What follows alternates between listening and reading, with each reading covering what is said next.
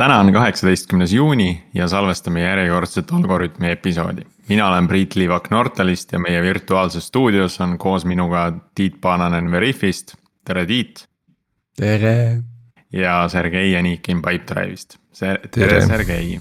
tere, tere meie tänase saate teemaks on jälgitavus ja külaliseks pika taustaga mees, kes äh, aitas äh, plambrit ehitada ja nüüd on jõudnud Splunki meil on stuudios nimelt Nikita Salnikov-Tarnovski, tere Nikita.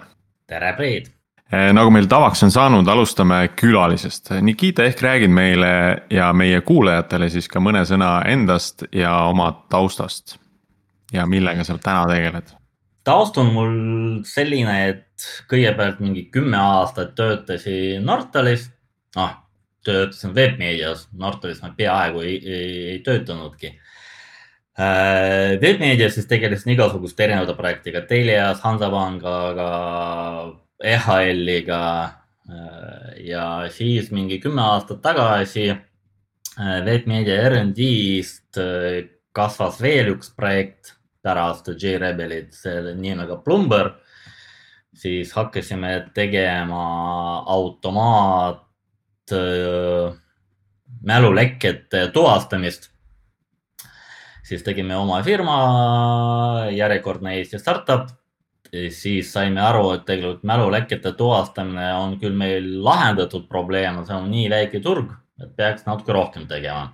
siis hakkasime automaatselt tuvastama igasuguseid sisuliselt performance probleeme äh, Java rakendustes ja sellest kasvas lõppude lõpuks järjekordne APM, Application Performance Monitoring või Application Performance Management, kuidas seda nimetad. Äh, tegime seda edukalt mõned aastad, aga lõppude lõpuks äh, mul kuidagi noh, mina sain aru, et okei okay,, paistab, et ma töötangi ühes firmas kümme aastat, kõigepealt kümme aastat veebmeedias, siis kümme aastat Plumbris, nii et siis aeg kuhugi edasi liikuda. vaatasin ringi, rääkisin inimestega, loomulikult valisin selleks ka kõige paremat aega, aprillkuu, kui meil põhimõtteliselt kõik värbamised olid kinni keeratud, keegi ei tahtnud kedagi võtta. aga lõppude lõpuks siis sain ühe väga hea pakkumise Splunkist. Splunk, äh, kes ei tea, see on suur Ameerika firma, tegelevad igasuguste asjadega, ma ei, ise ei tea, mis täpselt tooded nendel portfoolios on. Äh, security management, infrastructure monitoring bla, bla, blablabla, aga millega mina seal tegelen, on selline projekt nimega OpenTelemetry. kõige enam on vist äh, Splunk tuntud oma just logide monitooringu lahenduse poolest no,. või, või vähemalt, kui mulle öelda Splunk, siis mulle ta seostub kohe sellega no jah, see ilmselt sõltub ka sellest no,, mis poolest inimene on Splunkiga kokku puutunud. mõned mm, -hmm. mõned meie kliendid äh, on kindlasti kõige rohkem mingi security asjas huvitatud. kunagi see Splunk vist sai alguse ikkagi jah, nagu Priit ütleb, äh, sellise hästi suure hulga logide nagu läbi parsimisest, äh, kus sul noh, sa tegelikult ei, ei tea Äh, erinevad tiimid nagu kirjutavad sinna erineva struktuuriga ja siis Splunk, Splunkil.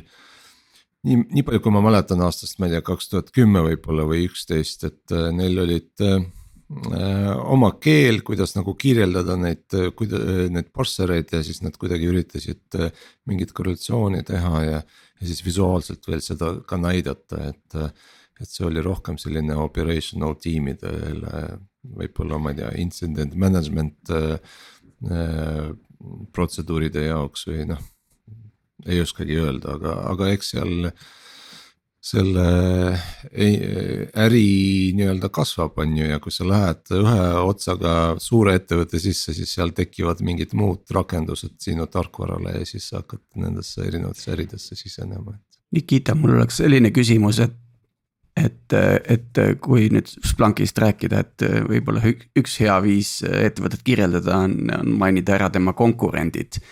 et keda täna Splunk näeb enda konkurentidena äh,? väga hea küsimus, et äh, jällegi mina oskan seda rääkida oma oma nagu poolest, ehk siis kui me räägime observability'st, siis seal konkurendid on Datadog ja New Relic.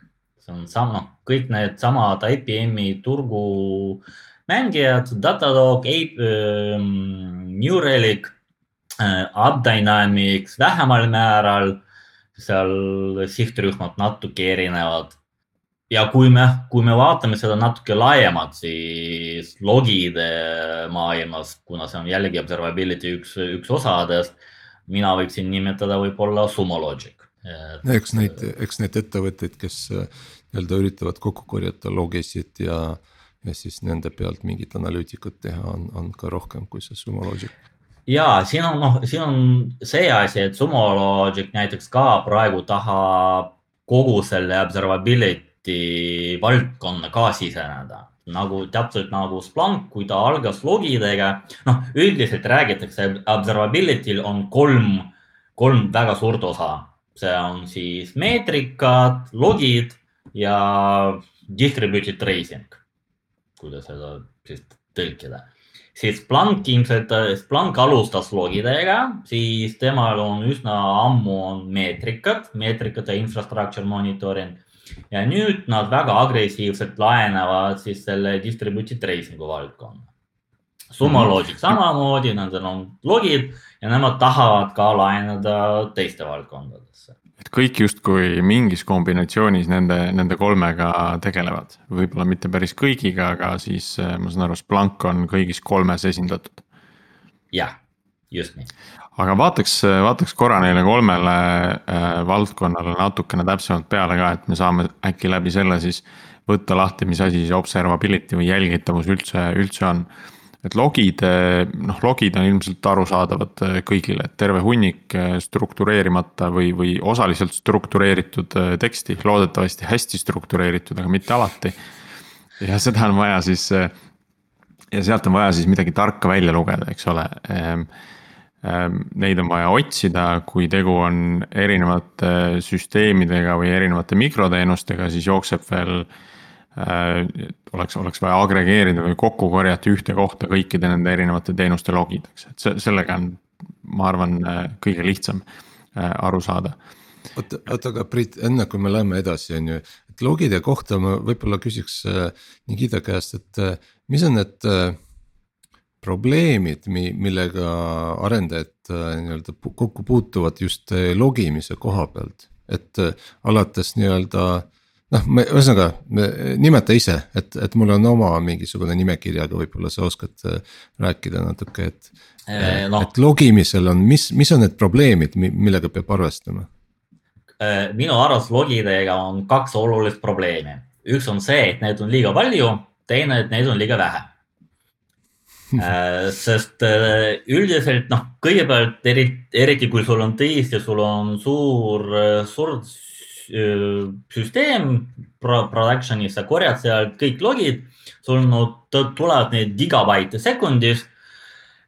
sealt leida parajasti seda, mis sul vaja on ja sul ilmselt tavaliselt vaja, sa vaatad production logisid siis, kui sul on vaja debug ida või aru saada mingi probleem ühel kliendil midagi läks käkki, sa tahad aru saada, miks. nüüd sa pead nende gigabaitide seast leidma selle ühe kliendi puudutavad logisid, mis on noh, tavaliselt üldjuhul on võimatu. kui, kui sinu süsteem ja logide süsteem ei ole from day one üles ehitatud eesmärgiga, et seda use case'i just toetada. ja teiselt poolt, kui sa, kui sa seda leiad, siis sa hakkad seda lugema ja siis sa saad aru, kurat, aga nende kahe logide kirja vahel, mis juhtub, miks nad on just, miks just need on kaks järjest.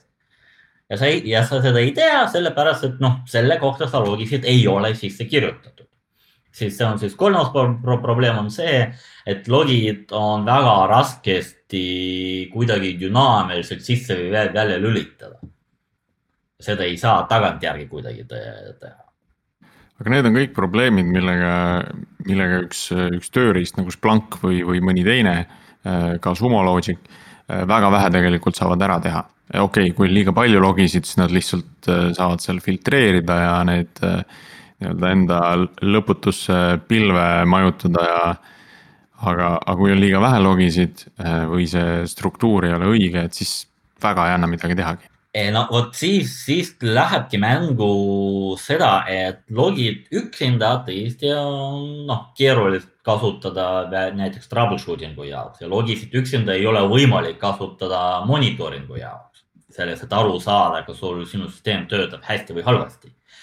logid, kui sa sellele lisad veel infrastructure meetrikad ja äh, distributed tracing, et sul on võimalus ühe konkreetse kasutaja transaktsiooni, ühe konkreetse kasutaja klikki nüüd vaadata kogu või terve oma infosüsteemi läbi, kõik need microservice'id, mis seda klikk tegelikult läbis ja seda korreleerida logidega.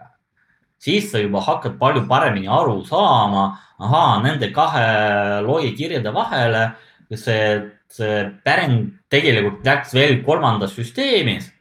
ja nüüd ma saan aru, miks ta võib niimoodi käituda. noh, see annab sulle palju täis, täiuslikuma pilti.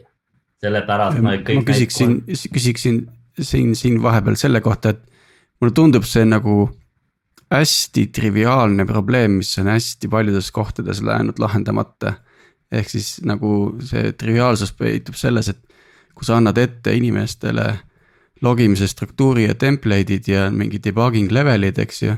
ja sul on mingi tool, mis kontrollib selle teenuse logi nii-öelda maturity't või, või health'i nii-öelda. siis see võiks olla nagu niimoodi lahendatav. no sul vähemalt ikkagi jääb probleem, et sa tahad korreleerida logisid kahest erinevast süsteemist, kahe, kahest erinevast teenustest. mis on siis distributed tracing, eks ju? jah, et sul noh Äh, jällegi, sul võib olla ühest süsteemist nagu perfektne log ja sa võib-olla isegi oskad kirjeldada, mis on selle perfektse logi omadused, noh, et nad peavad sisaldama user ID, nad peavad sisaldama transaction ID, nad peavad sisaldama äh, ärioperatsiooni nimi või identifikaatorid ja nii edasi ja, ja, ja nii edasi.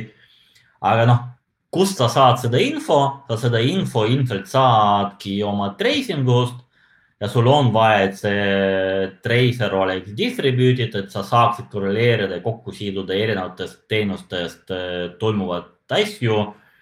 noh, ja nüüd tulebki välja, et tegelikult sul no ei ole eriti mõtet lahendada logi probleemi üksinda.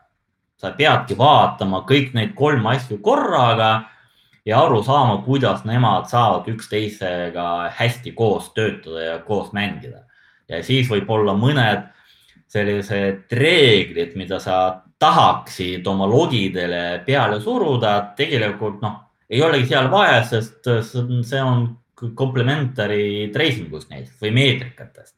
räägiks võib-olla meetrikast, et mis asi on meetrika, kuidas sa eristad logisid meetrikatest?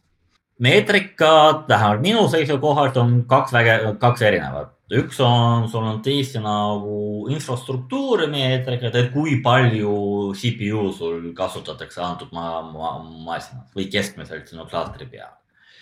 Äh, äh, kui kiir sinu võrk ja nii edasi. aga selle kõrval ei tohi kunagi unustada, et sul on väga olulised ärimeetrikad kui, kui palju asju sa müüd ühes sekundis või kui palju sul äh, uusi kasutajaid registreeritakse, kui palju klikke sinu mängus te tehakse, siis need meetrikad ju ka väga hästi võivad sulle näidata, kas sinu tarkvara töötab halvasti või, või, või hästi. noh, ja mis seos on äh, protsessori koormuse ja logide vahel, noh, tavaliselt ei olegi. No aga kui sa jällegi, kui sa tahad äh, aru saada ja võib-olla mingi alerti saata, kui sinu süsteemis on mingi halvasti, siis ilmselt sa kasutad selleks kõigepealt oma meetrikat. ja kui sa lähed juba pärast äh, uurima, miks, miks selline probleem tekkis, siis sul on vaja logisid ka uurida ja siin on sul ilmtingimata on kasuks, kui sa saad sellise täiusliku pilti oma, oma microservice'ite loomaaiast. et tegelikult noh, kuidas üks päring tegelikult sinu, sinu süsteemis äh, ringi jookseb ja distributed tracing, et eh, kas see mõiste on üldse tulnud peale seda, kui me hakkasime mikroteenuseid arendama või see on juba enne mikroteenuseid olnud? sul ei ole sisuliselt mõtet rääkida distributed tracing ut, tracing ust, kui sinu süsteem alati, kui sul on ainult üks monoliit, siis sul on lihtsalt tracing, sa siis vaatad lihtsalt, mis on sinu ühe JVM-i või ühe protsessori piires toimub, aga kohe, kui sul on ühe kasutaja päringud, peab äh, töötlema või teenindama mitu erinevat protsessi ja mitu erinevat võib-olla isegi serverit, siis sul tuleb mängu distributed tracing.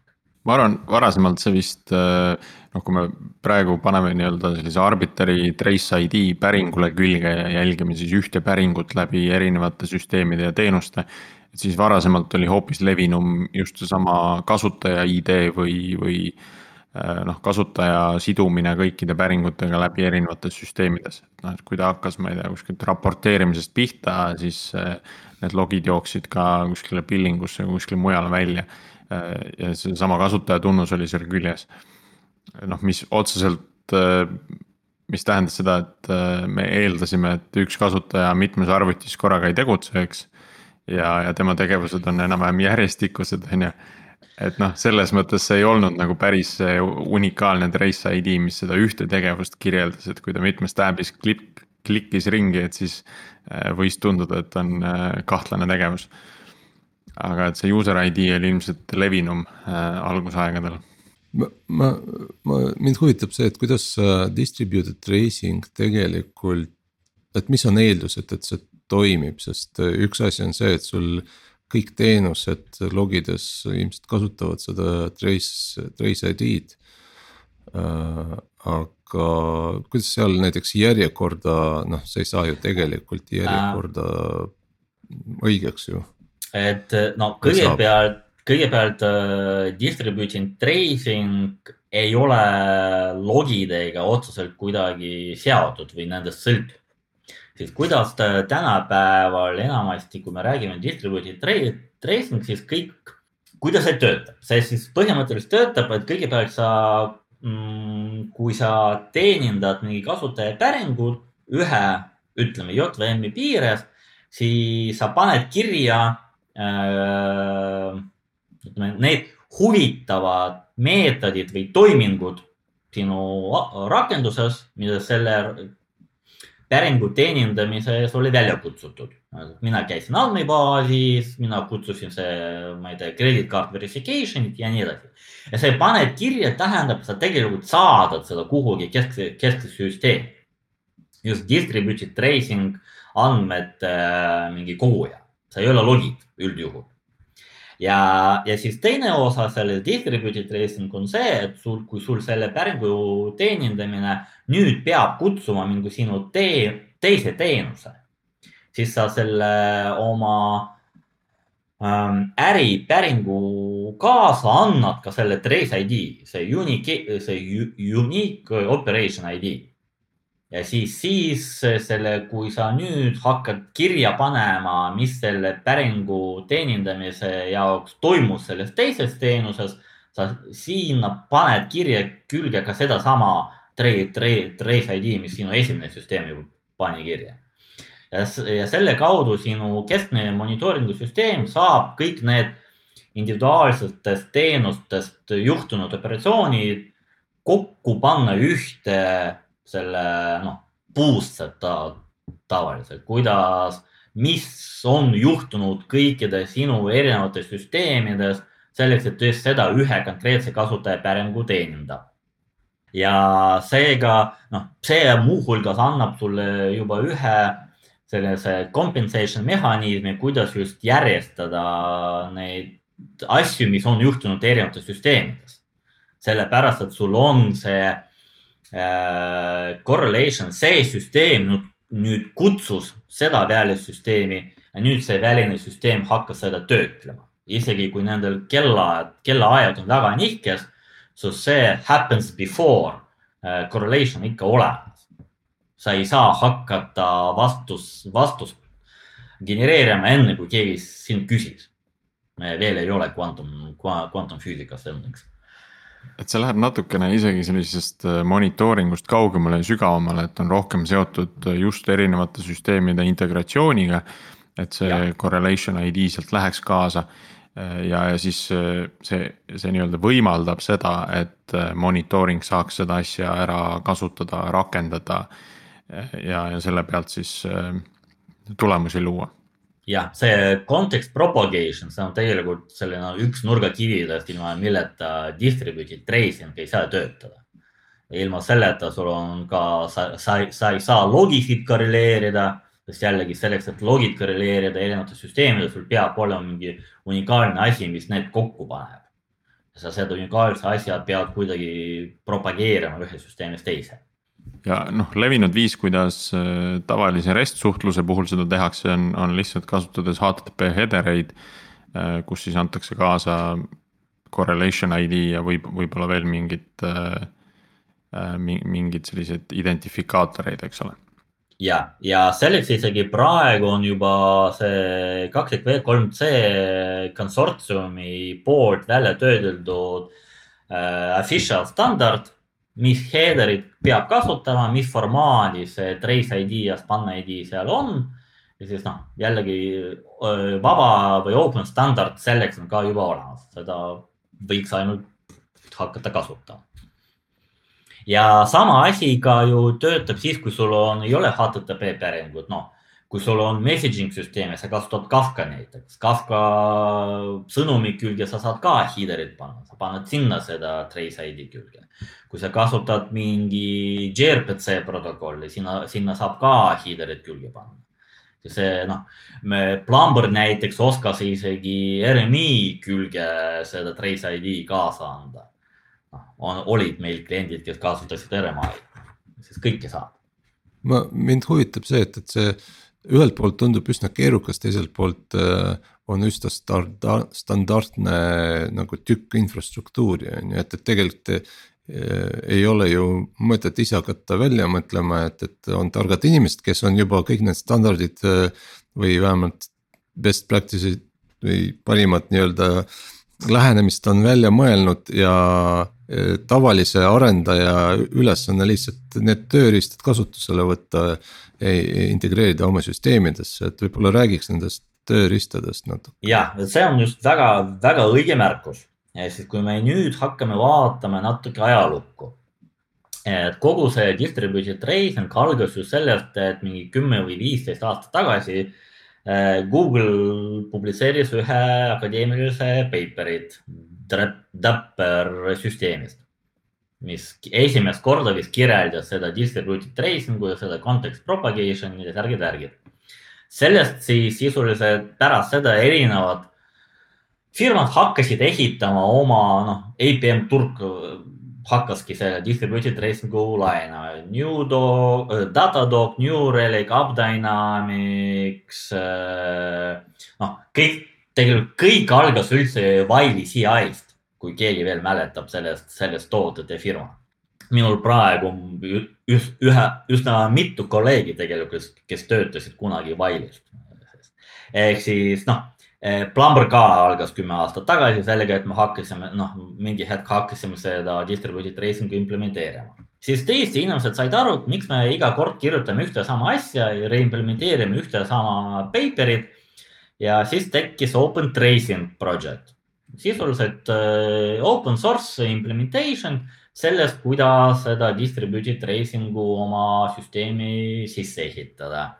sellest tuli Zipkin project hiljem, mis pakub siis back-end'i nende trace'ide jaoks. noh, sul on üks asi, et sa paned kirja, sa pead seda kuhugi saatma ja siis sa pead seda kuidagi visualiseerima ja sa pead siis sealt edasi veel midagi teha siis sama, siis paralleelselt ma aja, seda ajaloo ma ei tea, tekkis ka äh, Open Census Project, mis ka tegeles meetrikatega ja distributed tracing uga.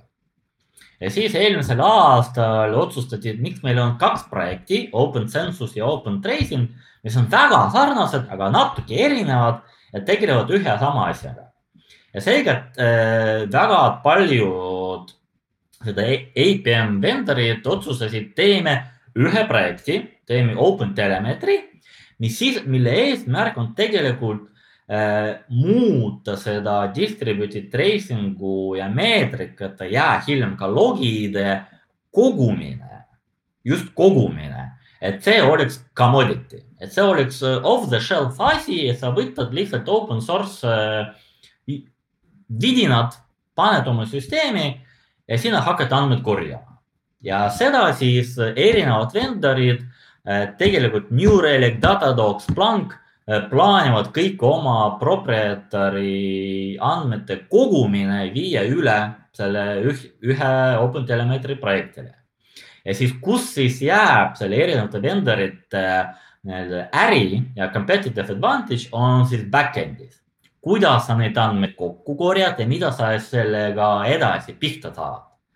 millise, analüütika sa pea, sa ehitad selle peale, mis alertingud sa teed, kuidas sa seda visualiseerid, user experience, särgid-värgid aga andmete kogumine, see on tõesti noh, üks standardne asi, ei ole mõtet seda mitu korda leiutada et tegelikult arendajate jaoks tähendab see seda, et, et nende teenustes, rakendustes äh, on äh, nii-öelda see, see meetrikate kogumise teek või, või library võib olla üks ja open source või äh, üks, üks ja sama, eks ole, aga lihtsalt täna nad võivad saata andmeid New Relicusse, homme Datadogi ja neil ei ole vaja eraldi nii-öelda nii seda client library't enda rakendusse sisse panna, mis, mis, mis neil täna on vaja teha, näiteks kui nad New Relicut kasutavad ja mingit custom meetrikat tahavad äh, sinna saata.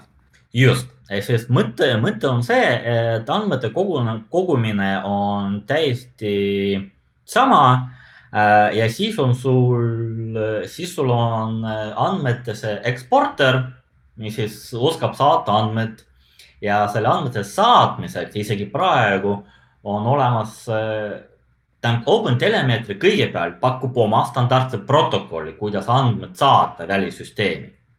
ja samas ta oskab kasutada ka juba standardsed protokollid nagu Zipkin või Jaeger, siis mis tähendab, et sina saad juba praegu võtta OpenTelemetry ja saata andmed juba olemasolevasse tõesti ka Zipkinisse või New Relicusse või Splunki signal effect'i ehk siis ja tulevikus jah, eesmärk on see, et sa saad muuta oma, tegelikult eesmärk on see, et sa saad saata andmeid ka mitmesse vendorisse, kui sa tahad.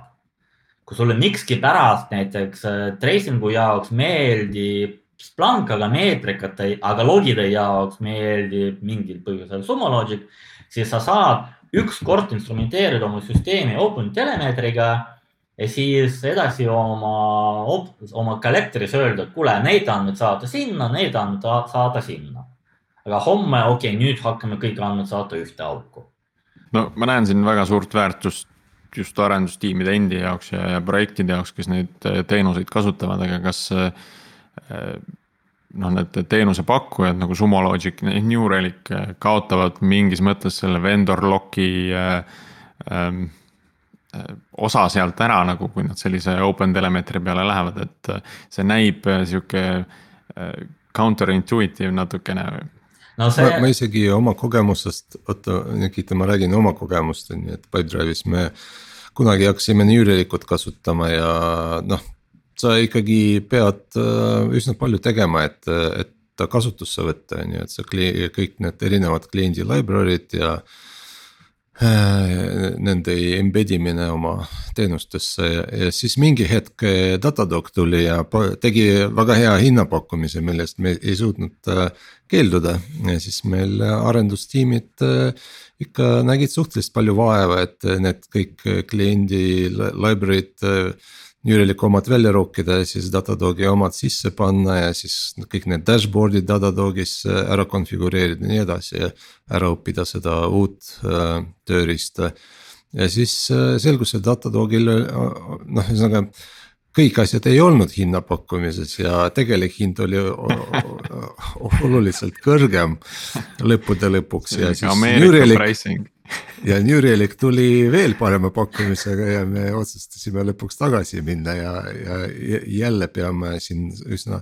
noh, mitte nii, nii, nii palju vaeva kui Datadogi migreerimisega, üsna palju aega nagu kulub just selle switch imise peale ja kui sina ütled nüüd, et äh, võtke OpenTelemetry kasutusse ja see switch äh, käib põhimõtteliselt äh, ainult mingisuguse ühe näpuliigutusega, siis ma noh.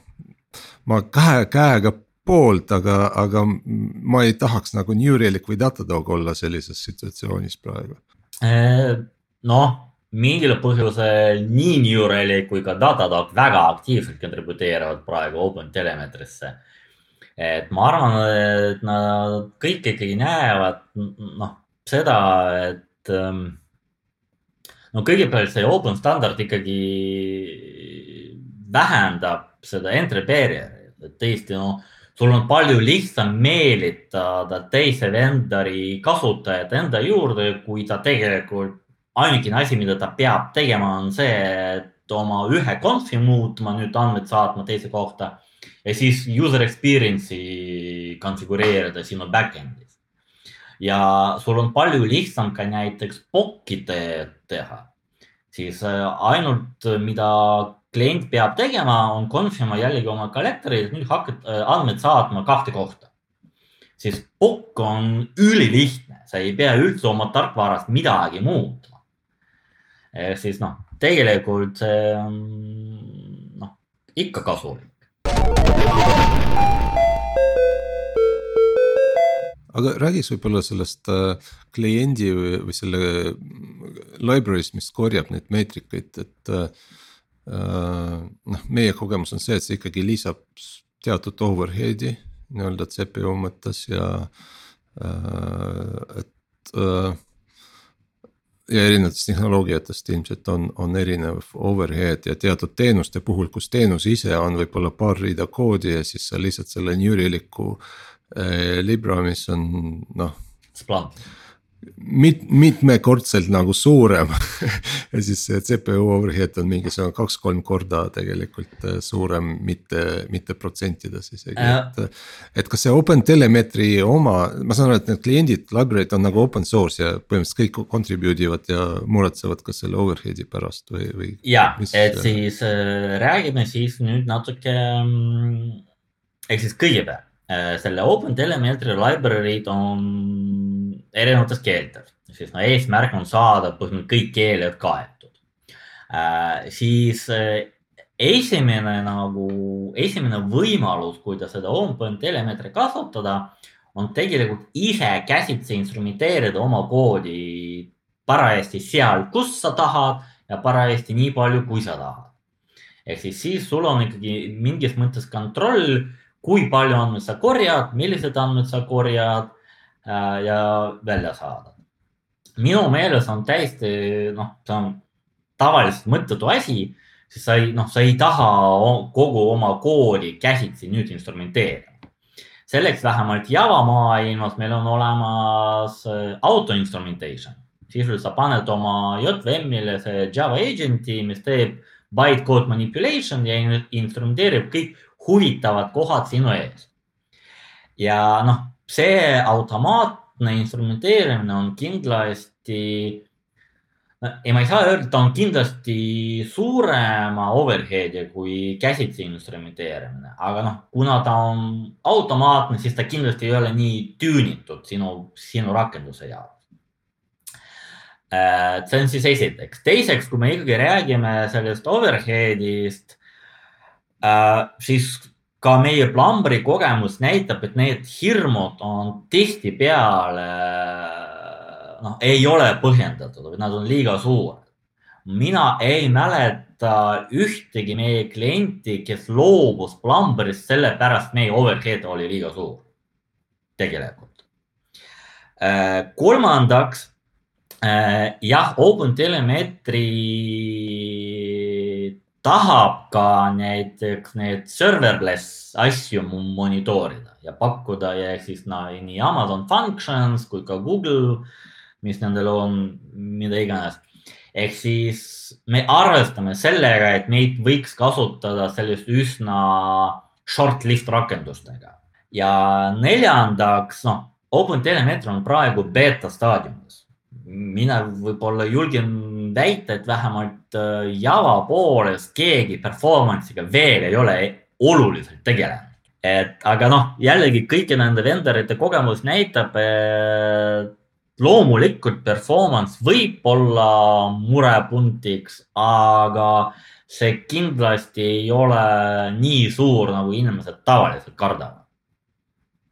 see tegelikult -hmm. noh. pluss see väärtus äh, monitooringust on, on suurem, eks ole, kui see pisike overhead, mis sealt tekib. jah, et äh, noh loomulikult saab, alati pead seda just oma süsteemiga mõõtma kõigepealt, kas see just sinu, sulle sobib, siis rääkida vendoriga või antud juhul community'ga, OpenTelemetri community'ga, et vaadake, mul on selline use case ja siin on, me mõõtsime, see overhead on liiga suur, kas saab midagi teha? tavaliselt saab, aga noh, ja siis sa, sa pead tõesti mõõtma või no, mõtlema, kas see trade-off et sa, et sa pead natuke rohkem serverit panna versus see, et sul on nüüd kogu troubleshooting on viis, viis korda lihtsam ja sinu mean time to, to recovery on kakskümmend korda vähem. kas see on siis sinu jaoks väärt või mitte? kas ma, ma küsiks äh selle meetrikate poole pealt, kas OpenTelemetri pakub midagi ka meetrikate korjamiseks? jah, OpenTelemetri lõplik eesmärk on pakkuda ikkagi full suite, distributed tracing, meetrikad ja logid.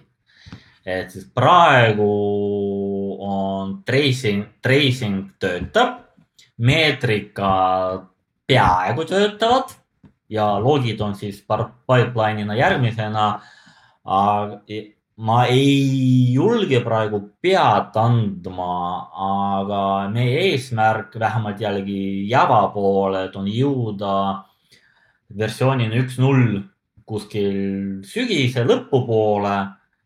ja vist on lootus, et logid on seal juba mingis, mingil määral olemas. meetrikad ja tracing on kindlasti olemas.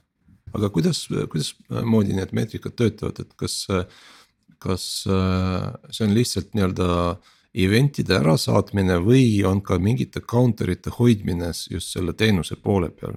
nii ja naa, et äh, OpenTelemetri äh, pakub API, et sa saad oma rakendusest Eesti mingid noh, counter'id või gauge'id kasutades, sa saad teist noh, inkrementeerida, kui palju sul müüki toimunud et see on kindlasti olemas, et siis kui, kui Java inimesed on tuttavad näiteks Micrometer projektiga, siis noh, sisuliselt see on väga sarnane asi API poolest.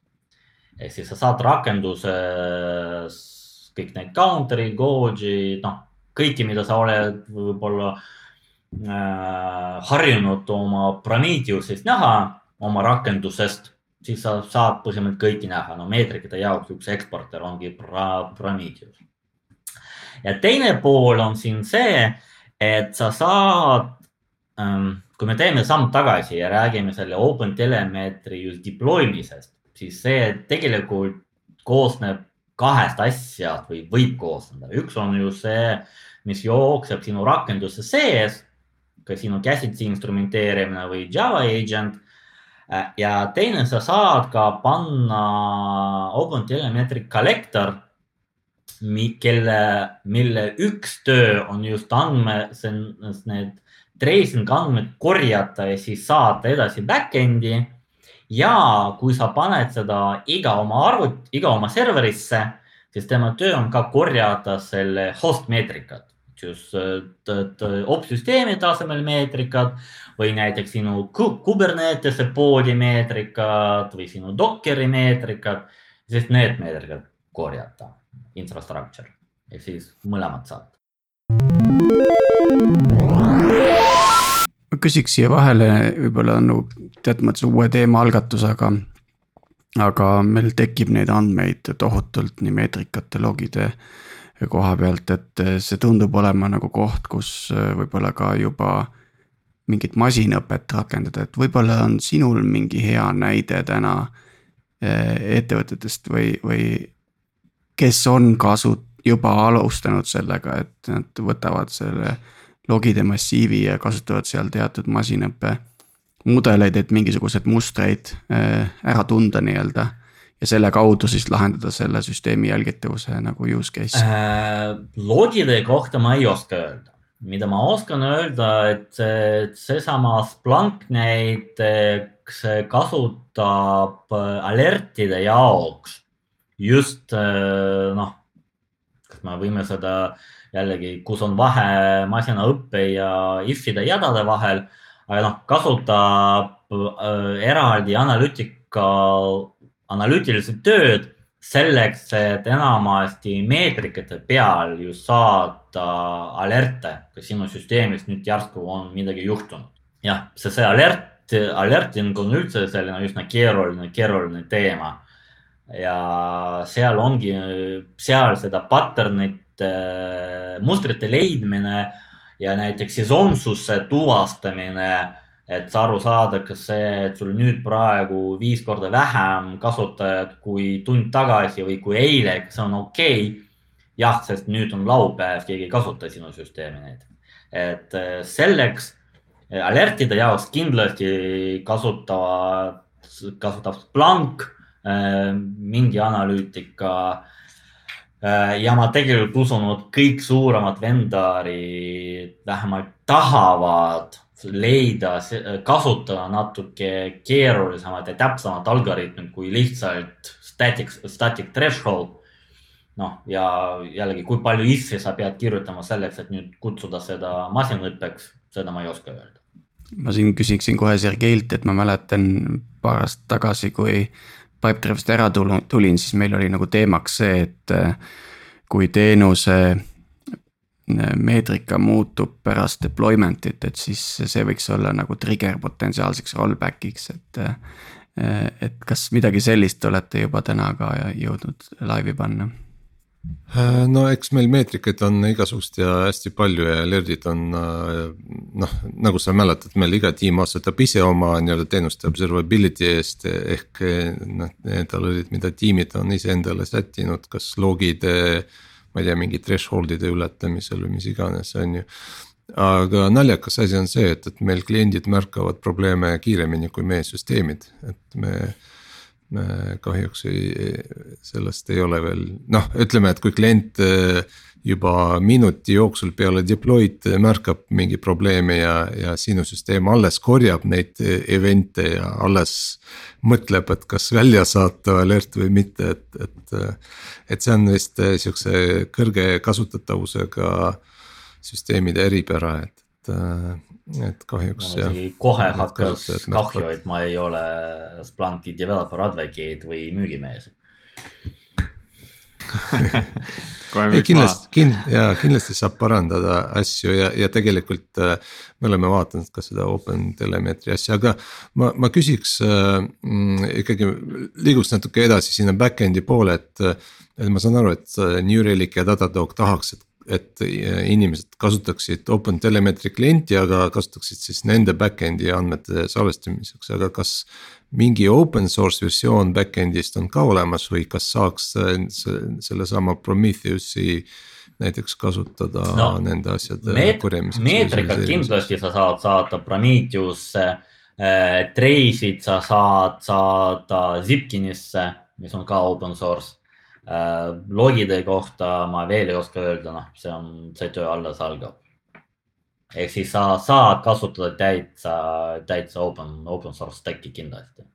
kui nüüd äh, hüppame sinna open, open telemetry arenduse juurde tagasi, et äh, mis, mis täna, mis väljakutsed täna sinu laual on sellised suuremad, mida siis vaja lahendada, et sa rääkisid juba sellest, et sügisel on oodata versiooni üks punkt null mis äh, probleemid või, või väljakutsed selleks vaja veel ära lahendada on?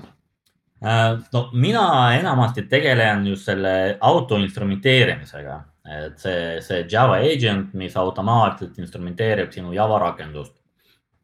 ja suuremates probleemides on kohe juba näha see, et äh, noh, open standard, open standard, aga kõik vendorid ikkagi tahavad võimalust panna mingi oma juppi sisse ka, et siis pakkuda oma distribution'it.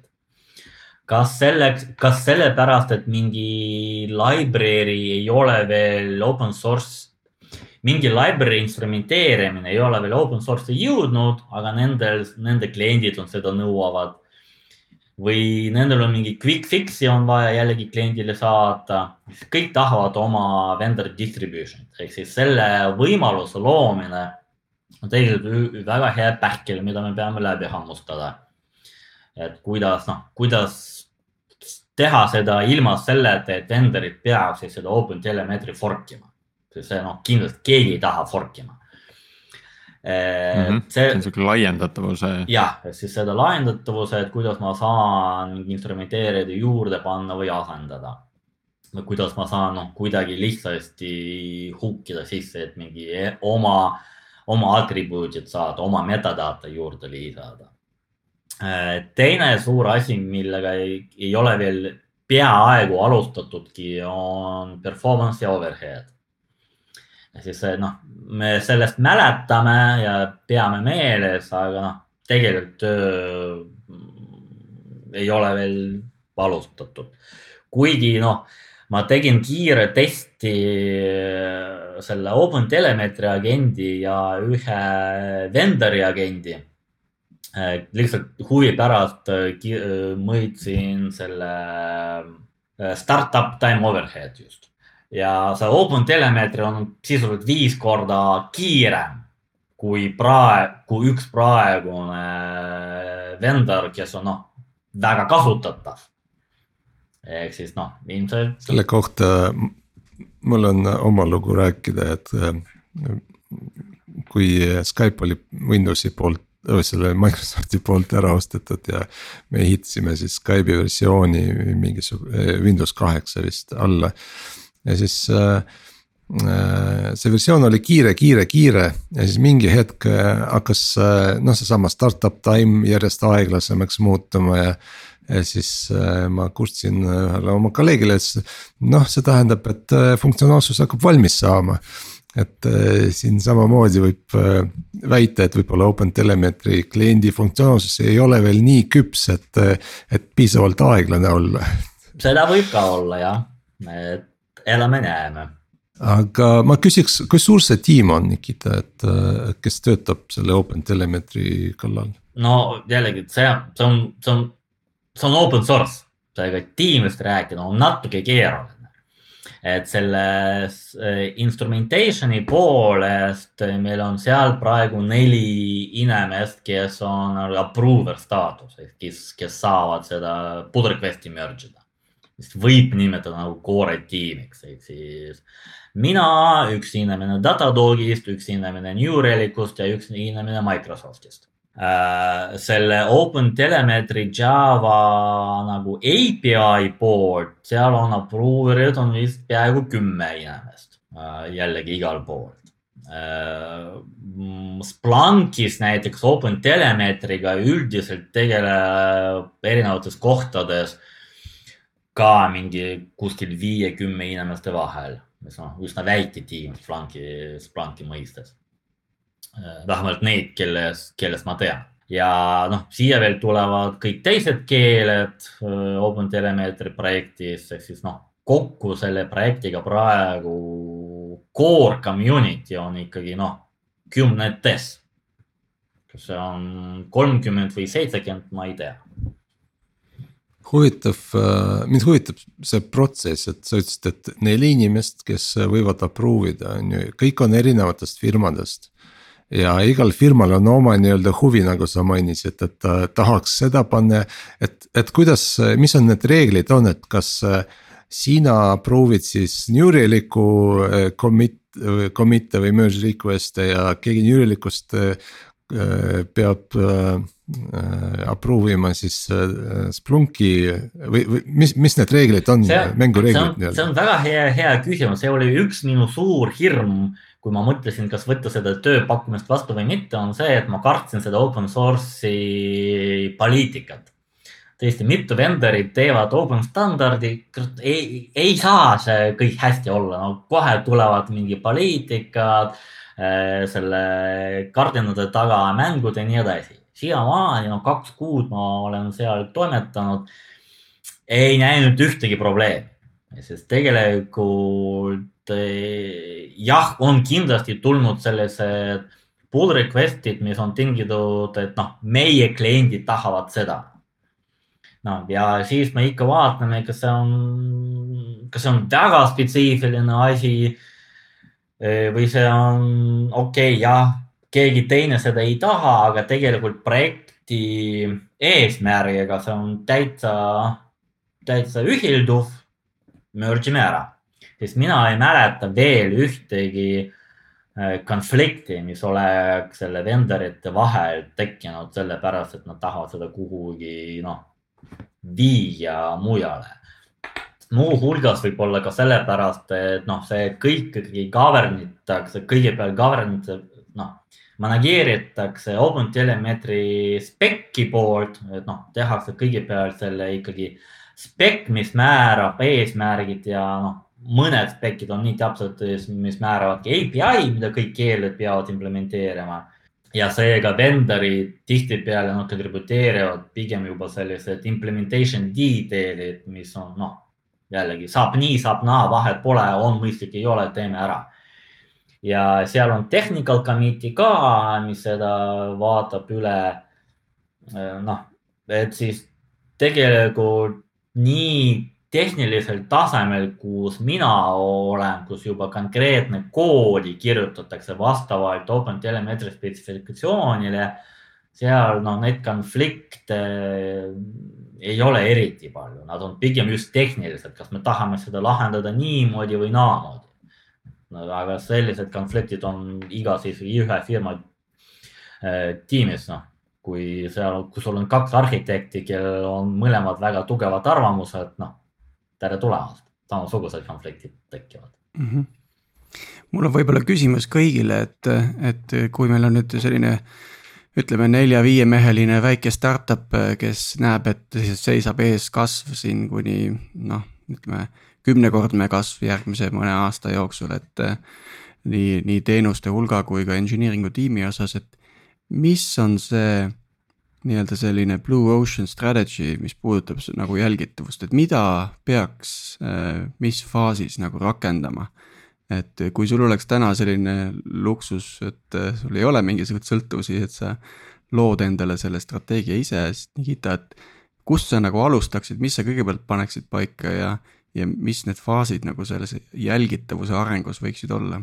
selles mõttes ma vist ei saa küsimuse keerukusest aru et kui, kui sul on praegu mm. olemas. ütleme, et kui sul on, on täna, täna oma väike startup ja sa tead, et jälgitavus muutub sulle teemaks, siis kust sina alustaksid? no siis ma kohe hakkan deploy ma oma rakenduse koos selle, kasvõi noh, mina, mina arendan JVM-i peal, siis see tähendab, ma selle JVM-i külge kohe day one, okei okay,, day two võib-olla pookin külge OpenTelemetri agenti siis ma pean valima mingi back-end'i, milleks ma ilmselt valiksin mingi noh, alguses mingi open source'i ehk siis Zipkin ja, ja, ja Prometheus.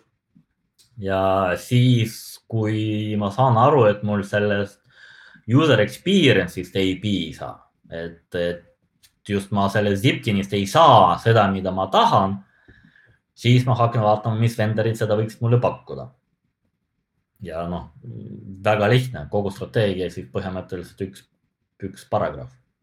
selline start simple. ja noh, selles mõttes ma, ma isegi, ma isegi siin keerukust ei näe. Siin keerukus on siis, on siis selline, et millise vendori sa lõppude lõpuks pead valima ja kui palju raha sa talle maksad.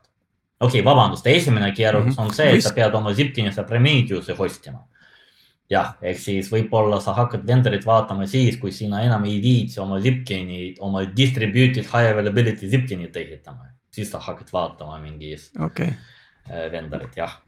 Ma viskan ühe keerukuse, mida ma, mis on otseselt oma kogemusest lähtuv, on see, et palkad äh, kümnenda ja kahekümnenda ja siis kolmekümnenda arendaja majja ja siis on sul äh, viis eri Äh, eelistust näiteks kasvõi kasutajaliidese osas, mille kaudu neid meetrikaid äh, nii-öelda konsumeerida ja alerte ehitada, eks ju.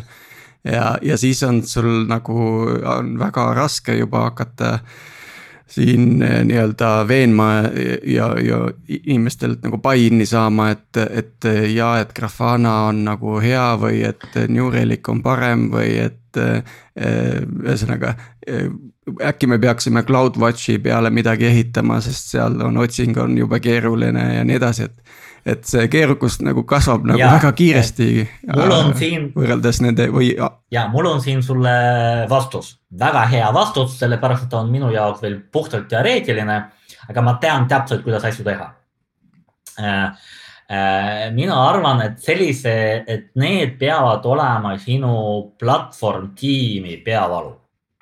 et äh, alates alates mingist hetkest, no ja Plumber oli piisavalt väike, ehk siis ma isegi ütlesin kohe, kui sul tek-, kui sul tiim on juba kümme ja kindlasti kakskümmend, sul, sinul tekivad mingi platvorm tiim, isegi kui ta on ühe inimese, inimesest koosnev veel. ja siis selle platvorm tiimi eesmärk on pakk, on sisuliselt müüa oma teenust tootetiimidele platvorm tiim peab tegema. kas see platvorm tiim on nagu DevOpsi peal või ta on mingi andmebaasi kihi peal? see platvorm tiim minu jaoks ongi need inimesed, kes pakuvad sinu arendustiimidele seda teenust, kuidas seda rakendus äh, production'is host ida äh, ja monitoorida ja kuidas noh, reageerida, kuidas seda deploy da ja kogu seda, kogu seda osa Eh, ja, ja see on nende eesmärk ja peavalu, kuidas valima või ehitama need vahendid ja müüma neid sisuliselt sisemiselt oma arendustiimidele. Nad peavad pakkuma nii head teenust, et selle teenuse kasutamine oleks eh, tiimile lihtne ja ahvatlev. et tiim ise, arendustiim ise ei tahaks ise midagi valima ja otsima ja ehitama, nad teavad, et see platvorm tiim pakub nendele piisavalt hea kogemust. no tulles äh, ühe minu enda viimase projekti kogemuse juurde, seal äh, sai kokku pandud tiim, kus oli väga mitu arhitekti, väga mitu liittasemel arendajat sees. ja, ja tegelikult meil kujunes üsna kiiresti välja seal selline, selline usaldus, et, et üks inimene tegeleb äh, nii-öelda selle operations'i infra poolega. ja kuidagi paratamatult isegi teised, isegi siis, kui teistel oli vastuargumente või noh, noh vastuargumente saad sa ikka nagu väljendada, aga kui nad ei olnud nõus selle otsusega, nad, nad mingi hetk ikkagi läbi usalduse siis aktsepteerisid seda otsust, et noh, see on, see on tema otsus, tema tegeleb sellega praegu ja ilmselt tegeleb ka pärast edasi ja, ja, ja siis äh, nad ise said tegeleda selle valdkonnaga, mis neile oli nii-öelda noh, määratud või mille nad ise endale siis omistasid, kus nad ennast võib-olla veel tugevamini tundsid kui teised arendajad, arhitektid. et äh, mulle tundub, et väikeses tiimis tihti see, see platvorm tiim nii-öelda noh, ei olegi nii formaalne, eks ta kujuneb kuidagi välja ja ja inimesed võtavad selle vastutuse endale vastavalt sellele, mis on nende siis kompetents. et kui, kui muidugi on väga palju äh, kui kõik on väga tugeval tasemel selles operations maailmas, siis võib teatud konfliktid tekkida, aga siis kindlasti aitab selline äh, vastutuspiiride ärajagamine või selgeks rääkimine.